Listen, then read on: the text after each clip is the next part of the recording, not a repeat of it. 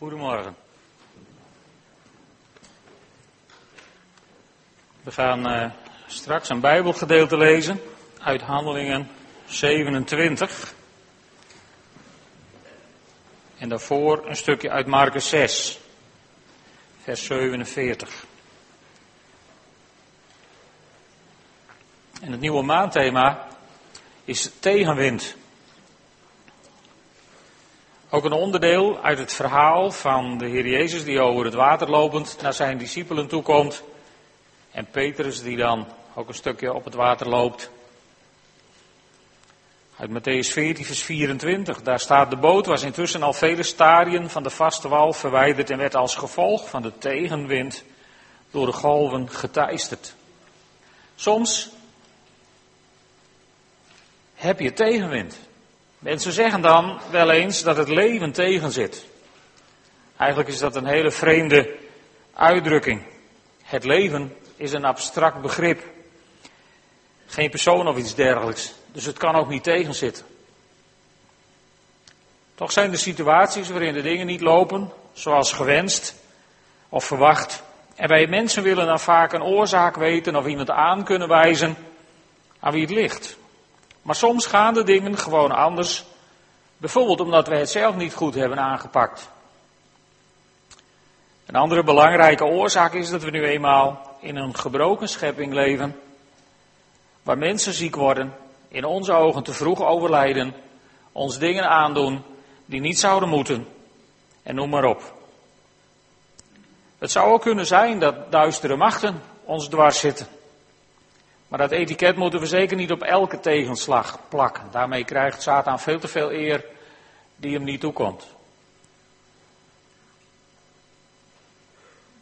En om dat te kunnen onderscheiden, heeft God ons de gave van onderscheiding gegeven. Het kan zelfs zo zijn dat dingen anders lopen, omdat God zijn hand erin heeft. Denk maar aan de manier waarop Paulus uiteindelijk in Troas belandde. Ze mochten niet links, ze mochten niet rechts. En zo kwamen ze in Troas, waar een visioen hen deed besluiten om naar de overkant te varen. Weet je, als zaken niet gaan zoals verwacht of gewenst, dan is dat vervelend. Soms veel meer dan dat. Soms is het gewoon verschrikkelijk.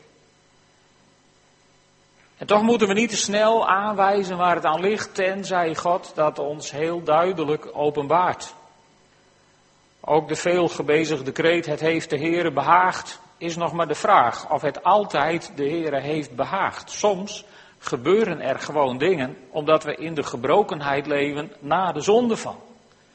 Daar hebben wij als mensen het meest moeite mee, denk ik. Want dan kun je niet iemand aanwijzen aan wie het zou kunnen liggen. Alleen één ding is zeker. Het leven zit niet tegen. Ons leven is geborgen in de veilige hand van God. Waar niets of niemand het ooit weer uit kan rukken. In die hand van God die nooit loslaat wat zijn hand in het mensenleven is begonnen. Als we dat geloven, dan kun je wel wat tegenwind verdragen. Dan kun je wel wat aan. Als je je geborgenheid bij God voortdurend voor ogen hebt, ja, dan sta je op een rots. Dan leef je in een zekerheid die niets of niemand je ooit af kan nemen. Want hoe hard de wind dan ook tegen is, dan weet je, wij hebben vader, zoon aan boord en veilig strand voor het oog. Daar gaan we naartoe. Maar ja, toch kun je behoorlijk tegenwind hebben. En de vraag is dan, hoe gaan we daarmee om? Met die tegenwind. Ik wil een paar voorbeelden met jullie bekijken uit de Bijbel. Hoe je omgaat letterlijk met tegenwind. In Marcus 6, daar beginnen we vers 47. Dat is hetzelfde verhaal als in Matthäus 14. Alleen de wandeling van Petrus over het meer, die is er uitgelaten. Maar verder is het hetzelfde moment, dezelfde situatie. Marcus 6 in vers 47, dat we hebben gezien in Matthäus 14, dat, uh, dat, dat ze tegenwind hadden, door de golven werden geteisterd. En dan staat er in vers 47 van Marcus 6, toen hij, Jezus dus, toen Jezus zag dat de leerlingen door een hevige tegenwind maar nauwelijks vooruit kwamen, hoe hard ze ook roeiden, liep hij tegen het eind van de nacht over het meer naar hen toe en hij wilde hen voorbij lopen. Toen ze hem over het water zagen lopen, dachten ze dat hij een geestverschijning was en ze schreeuwden het uit. Ze hadden hem allemaal gezien en raakten in paniek, maar hij sprak hen met één aan en zei, blijf kalm, ik ben het, wees niet bang. En hij stapte bij hen in de boot en de wind ging liggen. Zijn leerlingen waren helemaal van hun stuk gebracht. Ja, vind je het raar? Een prachtig stukje eigenlijk. Want misschien zit jij of u wel in een situatie waarin de wind tegen zit. En als de wind tegen zit, dan is een hele menselijke optie is om harder te gaan roeien. In de handen spugen, even goed die riemen vast en er wat steviger aan trekken. Zodat we toch die tegenwind de baas worden. Alleen in situaties waarin, waarin je de menselijke oplossing kiest om, om dan toch maar wat harder te gaan roeien, kun je je ook voorstellen dat de situatie zich voordoet. Jij zit hier en, en je rukt je te pletter aan die riemen en het lukt maar niet. En dan begin je tegen degene, nou als je zou je ook niet eens wat harder trekken. Ik kan het niet allemaal alleen en we redden het niet en jullie doen er ook niks aan. En u kent de escalaties wel van situaties waarin het leven even tegen zit. Want iemand moet de schuld uiteindelijk hebben en dat moet ik niet zijn. Het leven is, is uiteindelijk heel vaak een zwarte pieterspel. En ik wil hem niet. Harder roeien, harder werken, leidt tot irritaties. En het brengt ze nergens, ook deze discipelen niet, ze kwamen maar nauwelijks vooruit, hoe hard ze ook roeiden. Maar er staat zoiets geweldigs in dit vers. Want wat staat er in dit vers, wat je, wat je moet onderstrepen in je Bijbel? Toen hij zag. Hé, hey, dat is een eye-opener. Ze werkte zich, ze werkte zich een slag in de ronde, maar Jezus die zag het. Hij zag het. Ze ploeterde niet voort, ongezien door de God van hemel en aarde. Nee, Jezus zag het. Zijn oog was erop. En hij zag hoe ze zich inspanden. En hij heeft misschien ook wel eens even met het hoofd geschud van jongetjes, jongetjes, jongetjes, dit wordt hem niet. Maar hij zag het. Zijn oog was erop. En hoe hard het ook stormt in jouw leven. Eén ding moet je vanaf vanmorgen goed onthouden. Hij ziet het. Hij ziet het. Zijn oog is op jou. Je bent niet aan de aandacht van God ontkomen omdat het waait. En dan zie je in dit verhaal dat, dat Jezus over het meer naar hen toe kwam lopen en hij wilde hen voorbij lopen. Een beetje vreemd zinnetje, het staat er in Matthäus ook niet bij. En, en ik dacht van een week, hoezo wil God ons voorbij lopen? Dat, dat past niet bij, bij de liefde van God, dat hij ons voorbij wil lopen. Maar, maar wat je leest in dit, in dit verhaal is dat de discipelen hun, hun oplossing zochten in harde roeien, eigen inspanning. Er was niet één in de boot die dacht, om te roepen, Heere help. Er was niemand die, die tegen de ander zei, joh, zullen we heel hard om Jezus roepen? Nee, ze hielden helemaal geen eens rekening met Jezus. Ze roeiden zo hard ze konden en het hielp hun allemaal geen draad. En dan is God er wel, maar het lijkt dan alsof hij je voorbij wil lopen misschien wel. En dat veranderde pas toen Jezus de aandacht kreeg. Dan was dat niet direct aandacht om over naar huis te schrijven, want ze raakten volledig in paniek. Dat gebeurt soms, hè, als, je, als je in je situaties niet rekent met Jezus. Maar denkt dat je, dat je met eigen inspanningen en toestanden het zelf wel redt en geen rekening houdt met Jezus. En hij duikt plotseling op en bemoeit zich met jouw situatie. Dan schiet je in paniek. Ja, dan gebeuren er ineens dingen, daar had je niet op gerekend. Daar had je nooit aan gedacht en dat had je nooit verwacht. En zo schreeuwen ze het uit. Maar dan spreekt God. Weet je, wij, wij leven met een sprekende God. Met een sprekende God. En hoe de situatie in je leven ook is, hoe het ook stormt, wij dienen een sprekende God. Soms laat je een geweldige bemoediging vinden in het geschreven woord. Soms bemoedigt hij je door een geweldige gedachte. Soms bemoedigt hij je door een prachtig lied. Soms bemoedigt hij je gewoon doordat je de aanwezigheid van zijn geest zo machtig voelt. Of doordat een broeder of een zuster de aanwezigheid van God heeft geproefd en iets goeds tegen je weet te zeggen. God heeft zo oneindig veel wegen om tot je te spreken. En hij spreekt tegen je in zo'n situatie. En wat zegt hij dan? Rustig nou maar. Rustig maar, ik ben het. Stil maar. Ik ben erbij. Ik heb het in de hand. I'm in control. Stil maar. En zo komt Jezus bij hen aan boord. En de wind gaat liggen. Wonderlijk. Wonderlijk, wonderlijk. Dan denk je misschien, nou had hij van de kant af niet kunnen regelen dat de wind ging liggen. Maar dan hadden ze op eigen kracht naar de overkant geroeid en gedacht, nou dat hebben we toch maar mooi gefixt. En dat was nou net niet de bedoeling. Ze moesten leren van we hebben vader-zoon aan boord en veilig strand voor het oog. En zonder vader-zoon redden we het niet. Misschien ga ik daarmee in, dwars in tegen de tendens van de laatste tijd van meneer Hendricks en consorten, Hendriksen en consorten die vinden dat het zo helemaal niet werkt. Ik vind dat het wel werkt en ik weet dat het zo werkt. Vader, zoon aan boord en veilig strand voor het oog. Naast harde roeien is er ook een andere optie. Laten we eens kijken. Handelingen 27. Handelingen 27, vers 9. Er was al geruime tijd verstreken en ook de tijd van het vasten was al voorbij, zodat het gevaarlijk werd om uit te varen. Daarom waarschuwde Paulus de bemanning als volgt. Ik voorzie grote moeilijkheden als we nu uitvaren.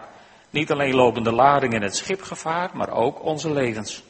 Maar de centurio stelde meer vertrouwen in de stuurman en de kapitein dan in de woorden van Paulus. Omdat de haven ongeschikt was voor overwintering, nam de meerderheid het besluit uit te varen in de hoop Phoenix te bereiken, een haven op Kreta, die bescherming biedt tegen de zuid- en noordwestenwind en daar te overwinteren. Toen er vanuit het zuiden een lichte bries opstak, dachten ze dat hun plan te kunnen uitvoeren. Ze lichten het anker en kozen zee. En voeren zo dicht mogelijk onder de kust van Kreta. Maar al spoedig stak er een hevige aflandige wind op, die Eurakilon wordt genoemd.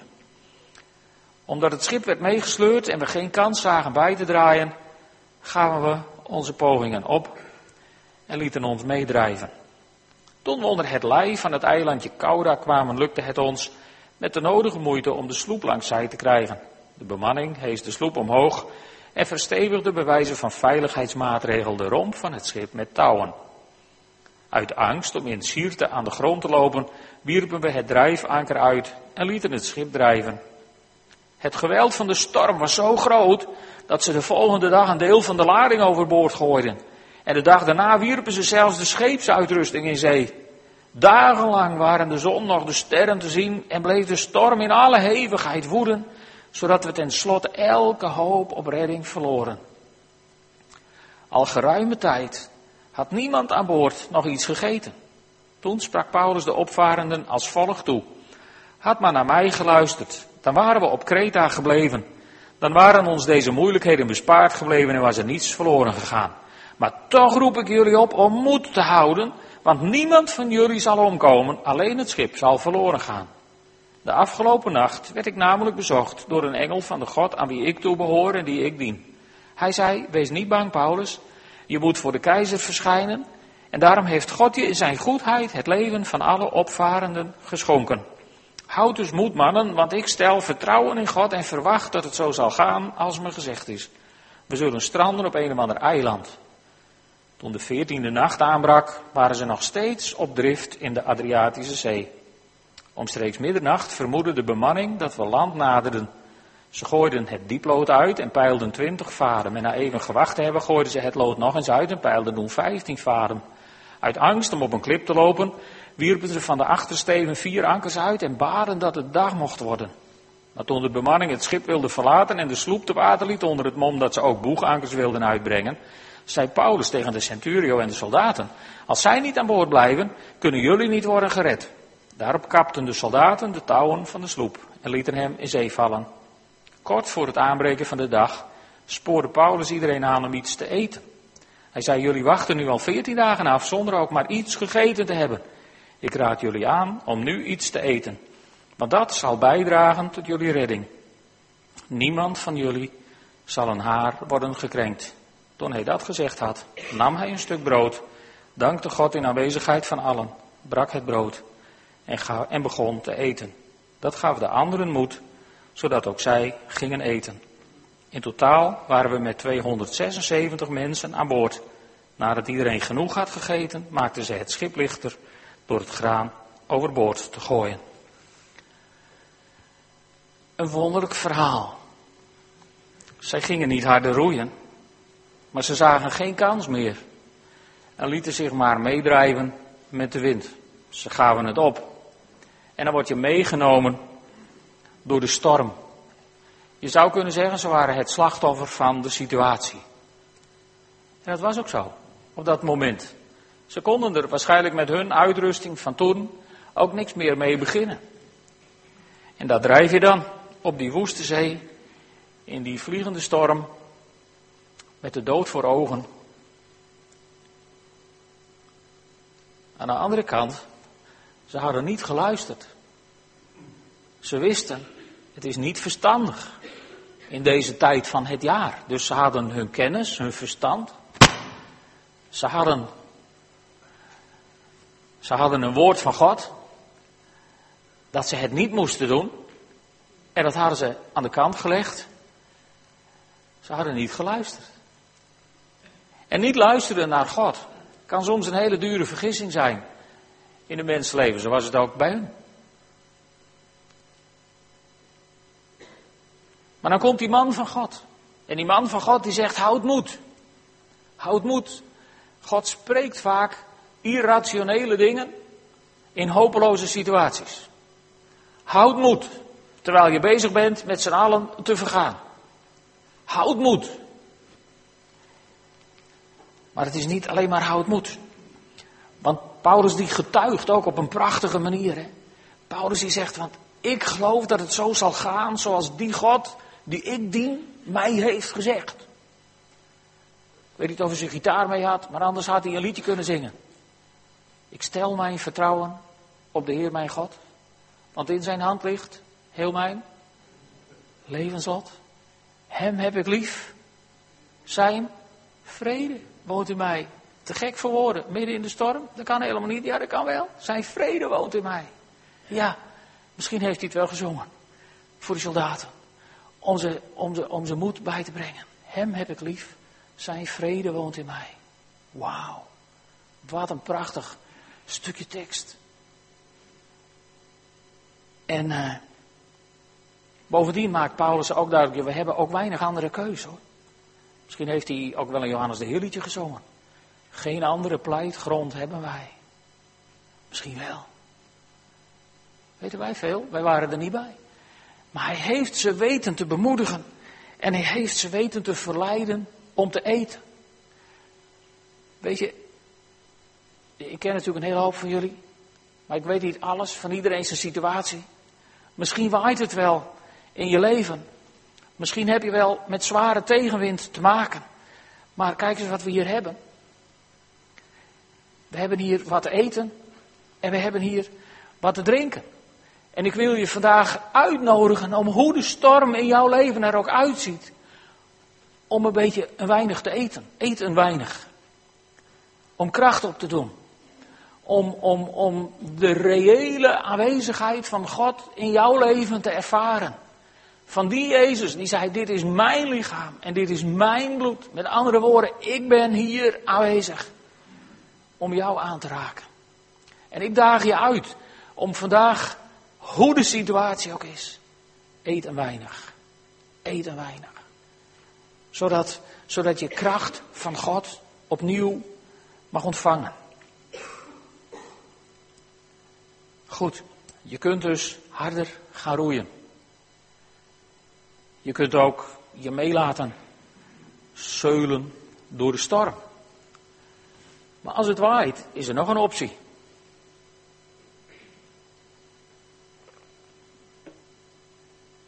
Mozes komt op een geweldig idee namelijk in Exodus 17.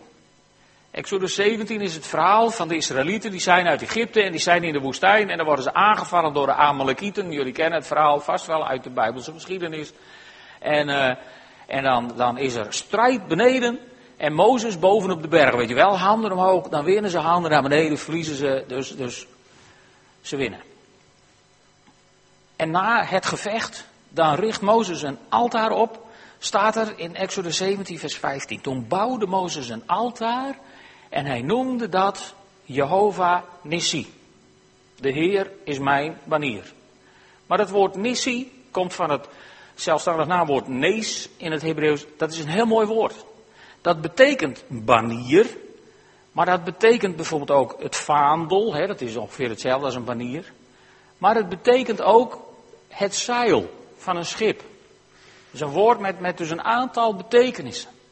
En wat kan er nou zijn met dat zeil van dat schip? Nou, in Jesaja 33, vers 23, daar gaat het over, over dit woord. En dan zegt Jesaja, de touwen hangen slap en ontspannen. Met andere woorden, iedereen heeft het er maar een beetje van genomen.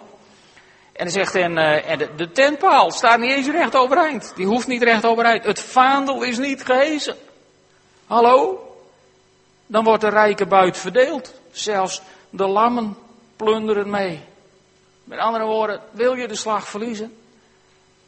Dan moet je je overgeven, mee laten drijven door de storm. Ja. Maar dat leidt tot niets. De Heer is mijn banier of mijn zeil. In Ezekiel 27, vers 7 staat ook datzelfde woord. En weet je wat daar staat? Ik zal het je voorlezen. Daar staat van bond Egyptisch linnen waren de zeilen, de nissi, waren de zeilen waaraan je van verre te herkennen was. Wauw, is dat zo? Als het waait in je leven en je hebt de wind tegen, wat moet je dan doen met een goed zeil? Willem de Jong weet het wel. Dan moet je laveren, nog niet? En dan moet je tegen de wind opvaren, dat kan. Met een goed zeil en de goede zeilkunst, dan is dat mogelijk. En, en wat zegt, wat, wat zegt Ezekiel hier? je zeilen, die waren van verre te herkennen. Want weet je, als de wind tegen zit in het leven van een christen, weet je wat de mensen om je heen dan doen? Dan gaan ze op hun tenen staan en dan rekken ze hun nek een beetje uit om te kijken hoe jij dat nou doet met die tegenwind. Als kind van God. Want ze willen zien wat het waard is met rijkhalzend verlangen. Ziet de schepping even uit naar het openbaar worden van de zonen van God en de dochters van God. Om te kijken hoe jij met die storm omgaat in jouw leven. En ben je dan van verre te herkennen? Is dit liedje dan in jouw leven ook van toepassing? Scheepke onder Jezus hoede met de kruisvlag hoog in top? Of zit je te jeremiëren en te mekkeren en moeilijk te doen omdat het leven tegen zit? Je kunt erin oplaveren. Je kunt erin oplaveren. Je kunt gewoon er iets van maken. Maar soms zit het gewoon tegen. We waren dinsdag vrolijk onderweg naar huis, van plan om er een leuk dagje van te maken. En toen besloten onze auto om ermee op te houden. Ja, kan gebeuren. Daar is een technisch ding voor. Eén ding weet je zeker, ergens gaan ze soms wel een stuk. En dan zit je dan. En hoe moet je daar dan op reageren? Denk je nou, nou het leven zit tegen? Nee, het leven kon het niet helpen. Moet je dan denken, nou Satan zit tegen, maar die heeft aan mijn auto gerommeld. Ja, kom. En we hadden ook kunnen zeggen, het heeft de Heer behaagd om mijn auto te vernielen, zodat we hier een dag langer moeten blijven. Maar daar heb ik ook geen openbaring over gehad. Dus die dingen moet je gewoon niet roepen. Het was gewoon zo. En dan krijg je van je dochter een sms'je van geniet maar van deze extra dag vakantie. Nou, dan moet je even aan wennen. Maar als je de draad op weet te pakken en de boot over de goede boeg weet te krijgen. Ik moet zeggen, we hebben een hele leuke dag gehad. Wel met een beetje zorgenjacht over, zou het allemaal op tijd klaar zijn, zodat we vanmiddag toch nog weer naar huis kunnen? Nou, dat is allemaal gelukt. Ja, zo kan het. Het moet wel even lukken. Maar weet je, als de wind tegen zit Dan moet je je zeil hijsen. De Heere is mijn banier. En op het zeil van God laveer ik tegen de wind in om daar te komen. Waar God mij wil hebben. En daar ga je naartoe. Het is een beetje wat Paulus ook schrijft in Filippenzen 1, vers 21. Daar zegt hij: Het leven is mij Christus en het sterven gewin. Indien ik in het vlees blijf leven, betekent dat voor mij werken met vrucht. Want, en wat ik moet kiezen, weet ik eigenlijk niet. Want van beide zijden word ik gedrongen, zegt hij. Ik verlang heen te gaan en met Christus te zijn, want dit is verreweg het beste. Maar nog in het vlees te blijven is nodiger om je wil, zegt hij dan hier. Nou ja, goed, dat zou je willen. Ik was van een week bij, bij. En we hadden het over zijn, zijn ziekte en de toekomst. En toen zei hij stralend, zei hij tegen me, ik weet waar ik heen. Wat een troost, als de wind tegen zit. En een paar minuten later was hij door de wind gegaan en zeilden we over de andere boeg. En toen zei hij, maar ik weet ook één ding. God is onze geneesheer. En als hij het wil, kan hij mij genezen. En toen zeilden we weer over de andere boeg. Zo van maar, waar ik heen ga, dat is ook goed. Het is mij goed wat mijn God mij beschikt. En zo laveert Teka toe, misschien wel, op het eind van zijn leven. Zonder de hoop op te geven dat God ook nog andere dingen kan doen. Want wij dienen een machtige, geweldige God. Die in staat is tot de meest ondenkbare dingen, lieve vrienden. En dan ontmoet je daar iemand op zijn menselijk gezien sterfbed. Die zich aan beide vasthoudt. Niet eet van twee walletjes, hè, doe hier even niet meer over. Hij eet niet van twee walletjes. Hij vertrouwt op de God aan de overkant. Want één ding was heel duidelijk. Vader zoon was aan boord. En het veilige strand was voor het oog. En het strand is wel leuk, maar als je van zeilen houdt, wil je daar niet heen. Dan laveer je net zo lief nog een poosje verder. En hoe het komt, ik weet het niet. En Paulus had dat ook. Van beide zijden word ik gedrongen. Dat is dat omgaan met tegenwind in je leven. Dat is je vertrouwen stellen op de Heer, je God. Als je kampt met ziekte of moeite, betekent dat dat je bijvoorbeeld vandaag na, tijdens het avondmaal gebed vraagt, voor je laat bidden. Je de handen op laat leggen als je dat wilt. Terwijl je aan de andere kant die vrede in je hart hebt van wat God ook doet. Gods weg is de beste waarheen Hij mij ook leidt. Waarheen Hij jou ook leidt, ja dat kun je makkelijk zingen. Maar waarheen Hij mij ook leidt. Gods weg is de beste. Is dat in uw leven zo? Ben je ervan overtuigd dat Gods weg de beste is? Dan is het de kunst om Gods weg te vinden. Want één ding is heel zeker. We hebben veilig strand voor het oog. En uiteindelijk gaan we daar allemaal naartoe. Naar die overkant. En we proberen dat allemaal zo lang mogelijk uit te stellen. En ik denk dat dat goed is, want God heeft ons geschapen om te leven. En daarom hangen we aan dat stukje leven wat we nog hebben. Dat is in ons gelegd door de God van het leven. Maar de God van het leven wacht op ons aan de overkant. En aan de overkant, daar is het niet dood, maar daar is het leven tot in eeuwigheid.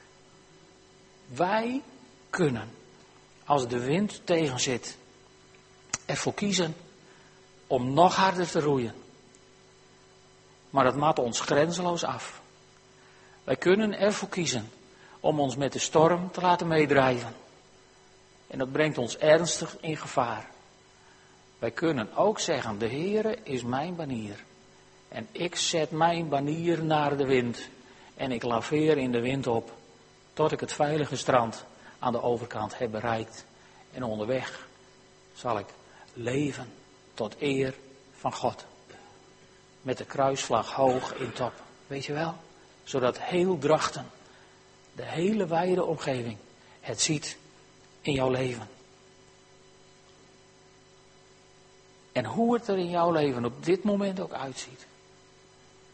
Eén ding mag je van me meenemen vandaag. Jezus ziet het. En hij is al vlak bij je gekomen, wandelend over het water. En hij zegt rustig nou maar, ik ben er. Ik ben vlak bij je. Ik heb jou op het oog. Want dit is mijn lichaam en dit is mijn bloed. En namens God mag ik tegen jullie zeggen, hoe het ook stormt, kom lieve vrienden, eet een weinig. Zullen we gaan staan en een moment bidden?